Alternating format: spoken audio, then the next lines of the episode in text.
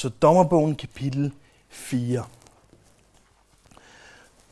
Dommertiden, eller tiden her, som dommerbogen beskriver, er selvfølgelig tiden mellem Moses efterfølger Josva og øh, så kongerne, øh, som kommer senere. Den her periode på cirka 400 år, det er her, hvor Herren former Israel som nation.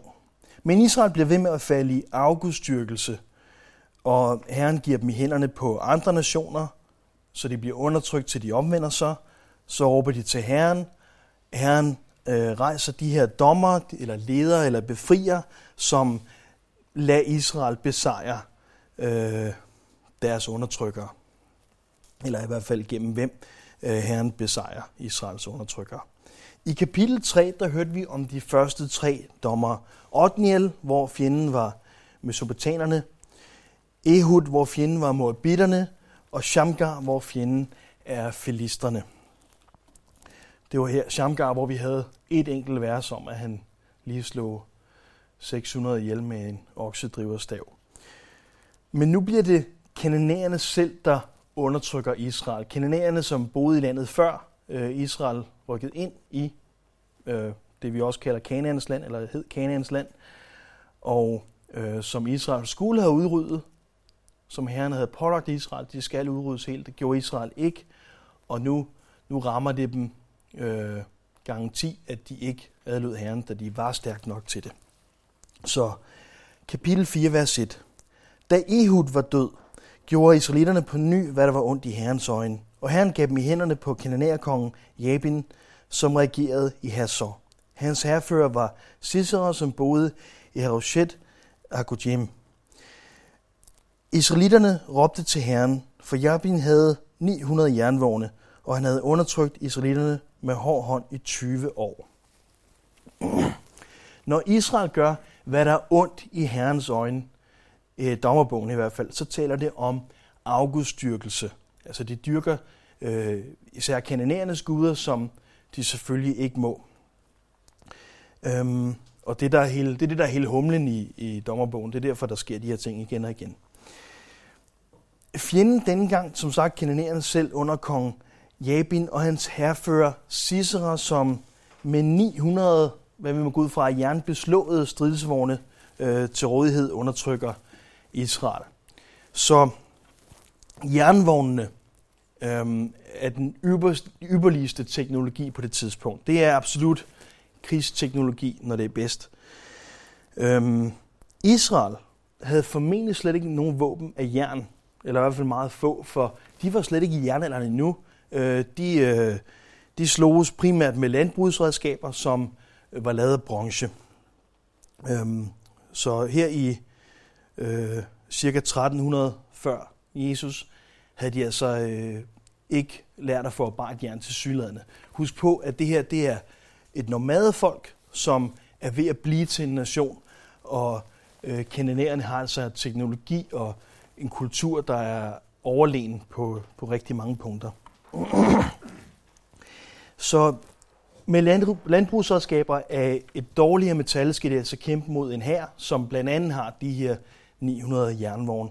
Det svarer lidt til en milits med jagtgevær eller med havlgevær, som skal kæmpe mod 900 kampvogne. Det er ikke, altså, når man kigger på det, så tænker man, det kan slet ikke lade sig gøre. Vers 4. På den tid var profetinden Deborah, øh, Labidots kone, dommer i Israel. Hun sad under Deborah-palmen mellem Ramah og Bethel i Efraims bjergland, og israelitterne kom til hende med deres retssager. Husk på, at vi talte om, hvordan øh, dommer der skal vi ikke tænke på en dommer som i en retssag. Øh, det er primært befrier eller ledere, øh, ledende skikkelser, øh, krigshelte, som herren rejser. Lige hende, øh, det bor her, hun er så sådan en dommer, som vi ikke skal tænke på. Øhm, så hun er altså sådan en, der dømmer i retssager. Deborah betyder bi, altså bi som insekt. Hun er den eneste kvindelige dommer, øhm, og den eneste af dommerne i dommerbogen, som kaldes profet, så hun er unik på flere måder. Kvindelige profeter var mere almindelige i andre lande, i andre nationer. I Israel var det undtagelsen, men ikke uhørt. Hun er ikke unik som profet, hun er unik som, øh, som dommer. Øh, Miriam i 2. kongbog 15, Hulda i 2. kongbog 22, Noadia i Nehemias bog 6, og Anna i Lukas 2 er alle sammen kvindelige øh, profeter, eller omtalt som kvindelige profeter. Så det er ikke uhørt, men, men det er selvfølgelig sjældent. Det, der er nok er mere specielt, er, at hun er, at hun er dommer og dømmer i de her retssager. Vers 6. Hun sendte bud efter Barak, Abinoams søn fra Kadesh i Naftali, og sagde til ham, Dette befaler Herren, Israels Gud. Drag op på Taborbjerget og tag øh, 10.000 mand af naftalitterne og sebulonitterne øh, med dig. Så skal jeg trække Jebins herfører Sisera og hans vogn og herhen til dig ved Kishonbækken og give ham i din hånd. Barak sagde til hende, hvis du går med, vil jeg gå, men hvis ikke du går med, går jeg ikke. Hun svarede, jeg går med dig, men så får du ikke selv æren for din færd, for så giver Herren Sisera i hænderne på en kvinde. Deborah brød nu op og drog med Barak til Kadesh. Og Barak kaldte øh, Zebulon og Naftali til våben i Kadesh. 10.000 mand fulgte ham, og Deborah gik med. Barak, vi kender alle sammen navnet. Øhm, Barak betyder lyn, altså ligesom lyn og torden. Øhm, og han har en her de her 10.000 mand fra Naftali-stammen og Zebulon-stammen, som formentlig var de to mest undertrykte stammer, i hvert fald sådan som de lå geografisk, regner vi med, at det er de to, der stammer, der, der mærkede Kananeas undertrykkelse mest. Taborbjerget, og jeg ved ikke, om det udtales Taborbjerget, det, det føles bare forkert at kalde det Taborbjerget, øhm, når, når det er der, de går op for at, at besejre kananæerne, øhm, har en, i forhold til andre bjerge, en flad top. Det, I kan se på billedet, er altså en flad top, og det er ikke til diskussion. Øhm, og I, det er bare et dårligt billede. Jeg, jeg fandt det i en bedre vinkel, men så satte de det her på. Jeg, øhm, det er garanteret slet ikke det rigtige bjerg. Jeg har slået det op, og der står, at det er øh, cirka halvanden kilometer i omkreds.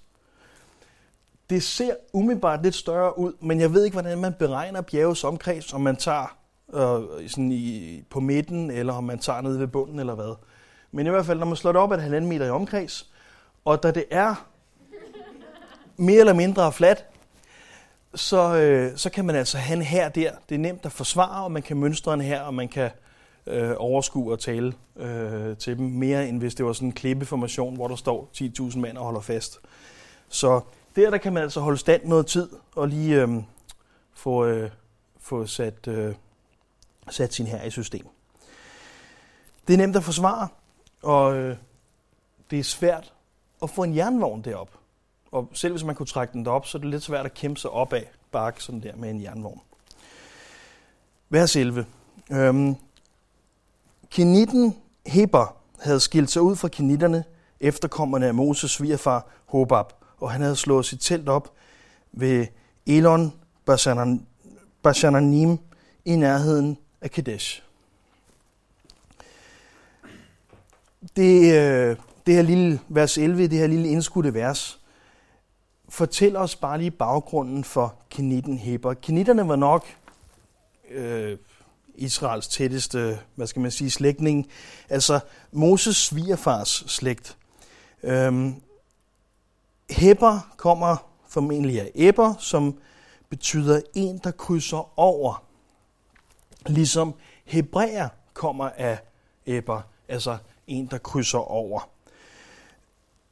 Muligvis fra Abrahams øh, forfader, som hed Eber i 1. Mosebog 11, og måske er navnet forstærket af Abrahams vandring. Han kommer fra et sted til et andet, så han krydser fra et sted til et andet. Øhm, men øhm, hvad hedder det, Eber er altså beslægtet med Israel eller hebræerne. Han hedder i en vis forstand det samme, og hvis, som vi ser om lidt, så er han altså krydset over på deres side. Der står, at han, øh, knitten Eber havde skilt ud for knitten, efter kommer Moses syre fra Hobab. Han havde slået sit telt op ved det her sted. Øhm, i nærheden af Kadesh. Elon Besar Ananim. Det er lidt besønderligt, hvis han virkelig selv har slået sit telt op. For i beduinkulturen dengang og i dag, de har ikke ændret sig meget, øhm, så er det altså kvinderne, der slår telt op. Det er et kvindearbejde, og, og det er åbenbart noget, de holder stærkt på. Ligesom alt andet i øvrigt også er et kvindearbejde.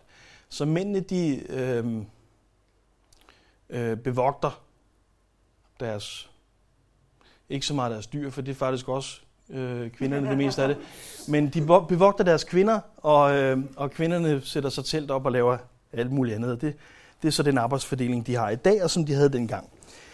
Øhm, så ja. øhm, teltene her, de er formentlig lavet af et tæppe af mørkt gedehår, og med op til ni pæle til at bære det. Så altså ni, altså nogle store stolper til at bære sådan en kæmpe klæde, eller flere store klæder af mørk gedehår. Vers 12. Da Sisera fik melding om, at Barak, øh, Abinoams søn, var draget op på Taborbjerget, samlede han alle sine vogne, 900 jernvogne, og alle de tropper, han havde, og førte den fra Harushet Hagujim til Kishonbækken. Der sagde Deborah til Barak, bryd nu op, fordi i dag Herren vil give Sisera i din hånd. Herren drager selv ud foran dig. Så gik Barak straks ned fra Taborbjerget, fuldt af 10.000 mænd. Og herren skabte forvirring blandt Siseras vogne, og i hele herren foran øh, Barak og Sisera, undskyld, og i hele herren foran Barak. Og Sisera sprang ned fra sin vogn og flygtede til fods. Barak fulgte vognene og herren til Haushit Hagojim, og hele Sirsas her faldt for sværet. Der var ikke en tilbage. Så Sisera, ham herreføren her, øh, øh, han samler altså hele isenkrammet, og så rykker han ikke op på Taborbjerget, for det kan man ikke, og det er heller ikke smart.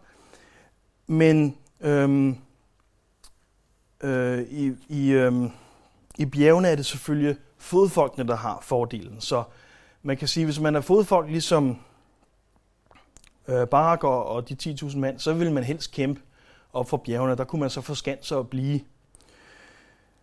Men, øh, men Caesar bliver selvfølgelig nede øh, på, øh, på det åbne land, hvor han har fordelen. Men så ser vi i vers 14, at Barak og de 10.000 mand tager et enormt skridt i troen.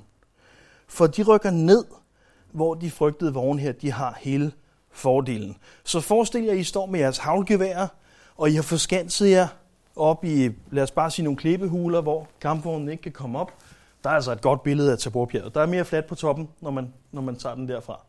Så at skulle kæmpe op der med jernvognen opad mod en her på 10.000 mand, det er umuligt. Og øh, de blev dernede. Men de 10.000 mand vælger så at gå ned på herrenes ord, og så tage kampen øh, i, i det åbne landskab.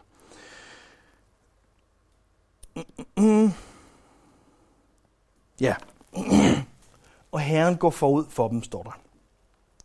Der står, Herren han skaber forvirring, og det ser ud som om i kapitel 5, vers 21, det næste kapitel, at Herren simpelthen lader området oversvømme. Det øh, når vi læser øh, det vores sang. Når det her område det er tørt, så er det rigtig tørt. Så det er selvfølgelig en overnaturlig oversvømmelse, øh, og derfor endnu mere overraskende. Og sådan et oversvømmet øh, landskab med mud over det hele og så videre, det er ikke ønskescenariet, når man står i en jernvogn. Salme 20, 8. Andre påkalder vogne af heste, men vi påkalder Herren vor Guds navn.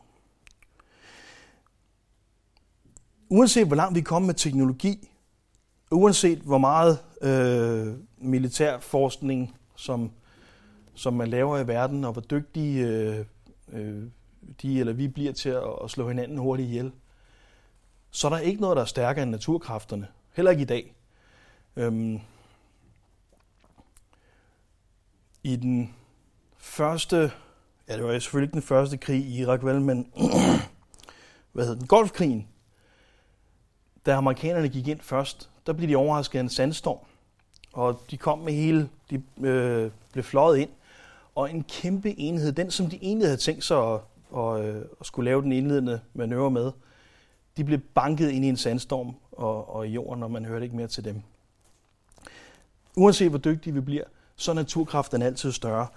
Og når andre påkalder vogne og heste, altså de ypperligste, de dyreste militærvåben, det, den bedste teknologi, så påkalder vi Herren vor Guds navn. For han har noget at sige i sin arsenal, som altid er stærkere, som altid er, er større.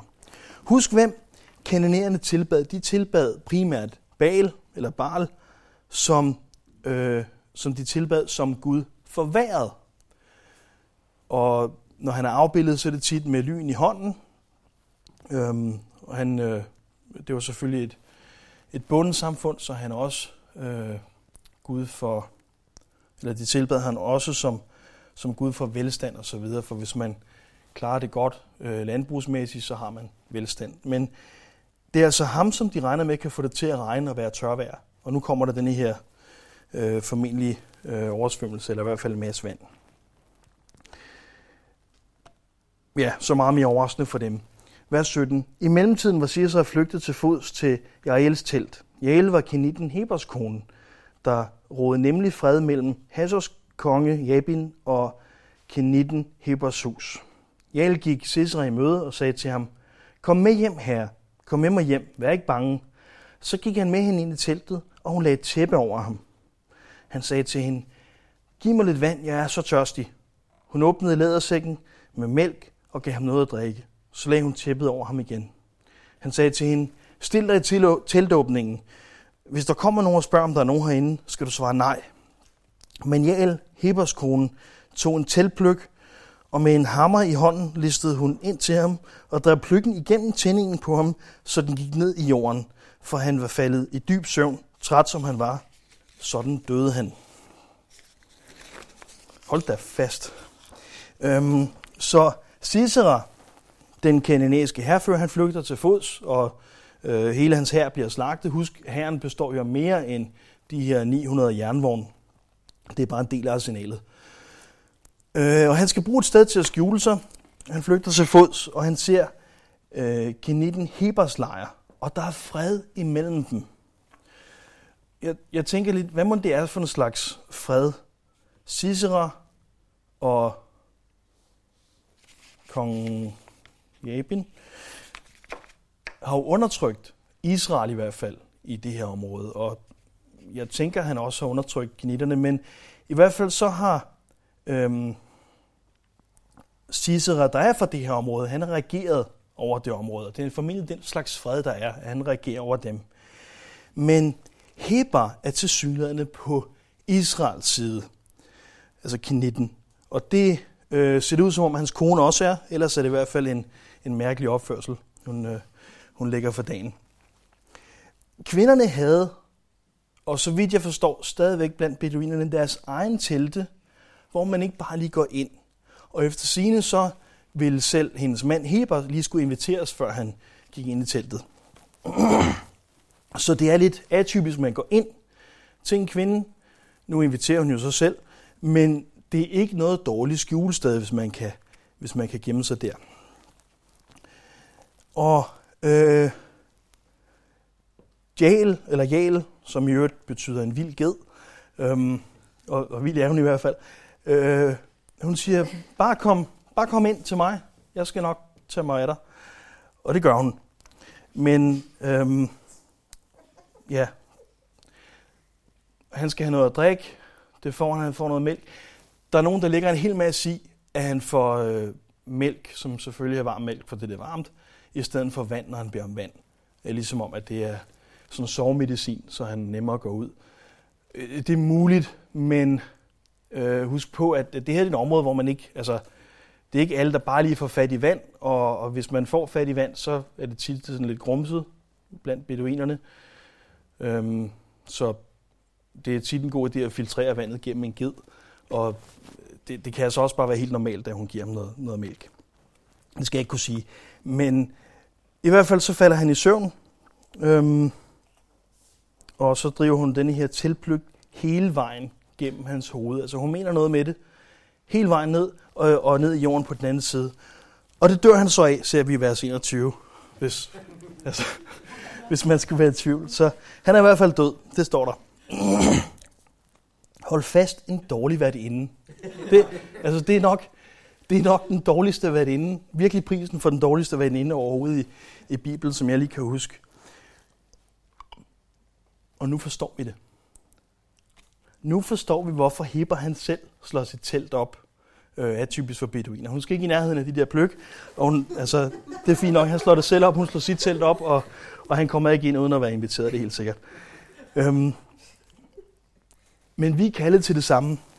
Ikke at, at slå telt op eller lade være med det. Men når vi er krydset over, som Heber og Hebræer og så videre kommer fra æber, når vi er krydset over fra mørket til lyset, så skal vi ikke tjene den gamle herre, så skal vi ikke tjene den søn, der var herre i vores liv før. Så Cicero var tidligere herre over de her, han regner med, at han stadig regerer over dem, det område her. Han tænker, fint nok, det er den fred, der er mellem os, jeg reagerer her. Og jeg kan bare sige til hende, øh, du skal sige, at der ikke er nogen, hvis nogen spørger, og jeg skal også have noget at drikke, og så videre, og skjul mig her. Øhm, men hun er krydset over, som hendes mands navn betyder. Og hun tjener ikke ham mere. Vi tjener ikke vores gamle herresøn i vores liv. Vi er kaldet til at gøre det samme. Vers 22. Undskyld. Vers 22. I det samme kom Barak. Okay, han kommer i det samme. Så han kunne sagtens have slået ham ihjel. Han, han, han missede det lige ja, på fem minutter. Ikke? I det samme kom Barak, som forfulgte Sisera forbi. Jael gik ham i møde og sagde til ham, Kom, så skal jeg vise dig den mand, du søger. Han gik med hende ind, og der lå Sisera død med pløkken gennem tændingen. Sådan lå Gud den dag kananæer kong Jabin buk under for israelitterne. Deres hånd lå stadig tungere på kananæer kong Jabin, og til sidst fik de gjort dag med ham. Læg mærke til, at Barak han går også bare med ind. Og man tænker lidt, hvad, hvad sker der så? Altså, hun, har, hun har formentlig nogle tilplykker endnu, men, men det er ikke det, der er planen. Nu skal hun bare vise ham, at, at, at Sisra er der, og Sisra han er stadigvæk død. Øhm, så kan I huske, at Deborah hun sagde i vers 9, efter Barak han siger, altså jeg, jeg tager kun afsted, det kan godt være, at Herren har kaldt mig til det, men jeg tager kun afsted, hvis du også tager med. Og han siger, i den her kultur, prøv lige at spole tilbage en gang, hvordan kulturen er, så siger han til en kvinde, jeg går kun i krig, jeg er herfører, jeg er generalen her, men jeg går kun i krig, hvis du, kvinde, tager med. Øhm, og det, det er der mange, der ligger en hel masse i, og, og, og øh, hun siger jo også, jamen det er fint nok, men så får du ikke gerne, for så vil det være en kvinde, som Herren giver Cicero i hænderne på. Og man kunne måske have sat pengene på, at Deborah mente sig selv. Og så, så er det mig, der får æren for, at vi går i krig, hvis jeg tager med. Men nu ser, øh, nu ser Barak, at det sker helt bogstaveligt, at det er en kvinde, der, der, øh, der slår Sisera ihjel og, og får æren for det. Ikke at vi læser, at Barak har nogen kritik af Jael. Ingen kritik. Vi ser heller ikke hendes mand kritisere hende nogensinde igen. Øhm, der, vi, vi, ser, vi ser kun ro, så der er ikke nogen, der, der lader hende vide noget ondt her. Men hele den her historie er jo kun et slag. Det er ikke Jabin, kongen, kongen, der er blevet besejret her. Det er hans herfører. Sisera. Yes. Det er ham, der er blevet besejret. Så det her, det er kun et slag. Øhm, hvad der sker derefter, ved vi ikke, men det er opsummeret i vers 24, øhm, at, at, øhm, at til sidst fik de gjort af, gjort af med ham, Jebin. Det er tydeligvis det her slag, vi skal rette opmærksomheden på. Der er ikke nævnt så meget om resten af krigen, men de vinder i hvert fald at, at få gjort af med, med Jebin. Vi, der er krydset over fra døden til livet, behøver, behøver ikke at adlyde, at vi er ikke kaldet til, og vi skal lade være med at adlyde vores gamle herre, sønnen. Den søn, der tidligere regerede over os, før vi krydsede over fra mørke til lys. Og når den kommer, når den søn kommer og selvfølgelig har vi øh, søn, der banker på, der henvender sig. Og sønnen kan sige, bare skjul mig her, bare giv efter en lille smule, bare lige giv mig et glas vand. Og bare benægt, bare benægt, at jeg overhovedet er her. Bare sig, hvis, hvis nogen kommer, så bare sig, men der er ikke søn i mit liv. Der er ikke, der er ikke nogen hjemme, bare rolig. Så er vi ikke kaldet til at give efter, eller underholde sønnen, eller benægte, men vi er kaldet til helt at uskadeliggøre den, til helt at, at banke en pløk igennem den. Prøv at være den dårligste vært, eller vært inden for sønnen. Og vi har et eksempel, vi skal overgå her, så, øhm, men i hvert fald forsøg at være en endnu dårligere vært for synden. Romerne 6.6. Vi ved, at vores gamle menneske er blevet korsfæstet sammen med ham, øh, for at det leme, som ligger under for synden, skulle tilintetgøres, så vi ikke mere er trælle for synden. Eller Romerne 6.12. Lad derfor ikke synden herske i jeres dødelige leme, så I adlyder dets lyster. Stil heller ikke jeres lemmer til rådighed for synden, som redskaber for uretfærdighed, men stil jer selv til rådighed for Gud, som levende, der før var døde, så I bruger jeres lemmer for Gud som redskaber for retfærdighed. Vi stiller vores lemmer til redskab for et eller andet, eller for en eller anden. Og vi er selvfølgelig kaldet til at stille vores lemmer til øh, som redskab for Gud. Romerne 8:12. Brødre, så skylder vi da ikke kød at leve i lydighed mod det. Hvis I lever i lydighed mod kødet, skal I dø. Men hvis I ved åndens hjælp dræber lemeskærninger, skal I leve. Så vi er ikke kaldet til i kødet og besejre kødet. Det er den fejl, vi, vi tit begår. Vi prøver med kødet og besejre kødet. Det er også det, man gør, når man lever i lovtrældom. Men vi er kaldet til med åndens hjælp og besejre kødet. Salme 20, vers 8. Andre påkalder vogne og heste, men vi påkalder Herren og Guds navn. Jesus, tak for dit ord til os. Tak, at, at du har gjort os i stand til ikke at tjene øh, sønnen, ikke at tjene vores gamle herre, fordi vi kan påkalde dit navn og din ånd, her. Tak fordi, at, at vi har et arsenal i dig, som er større end al teknologi og, og større end vores kød og alt, hvad vi kan forestille os her. Jesus, vi beder dig, at du vil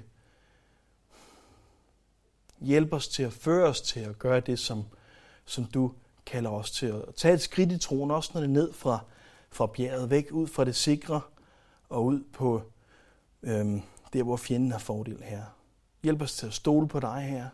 Hjælp os til at adlyde og hjælp os til at kæmpe med dig. Tak her. Amen.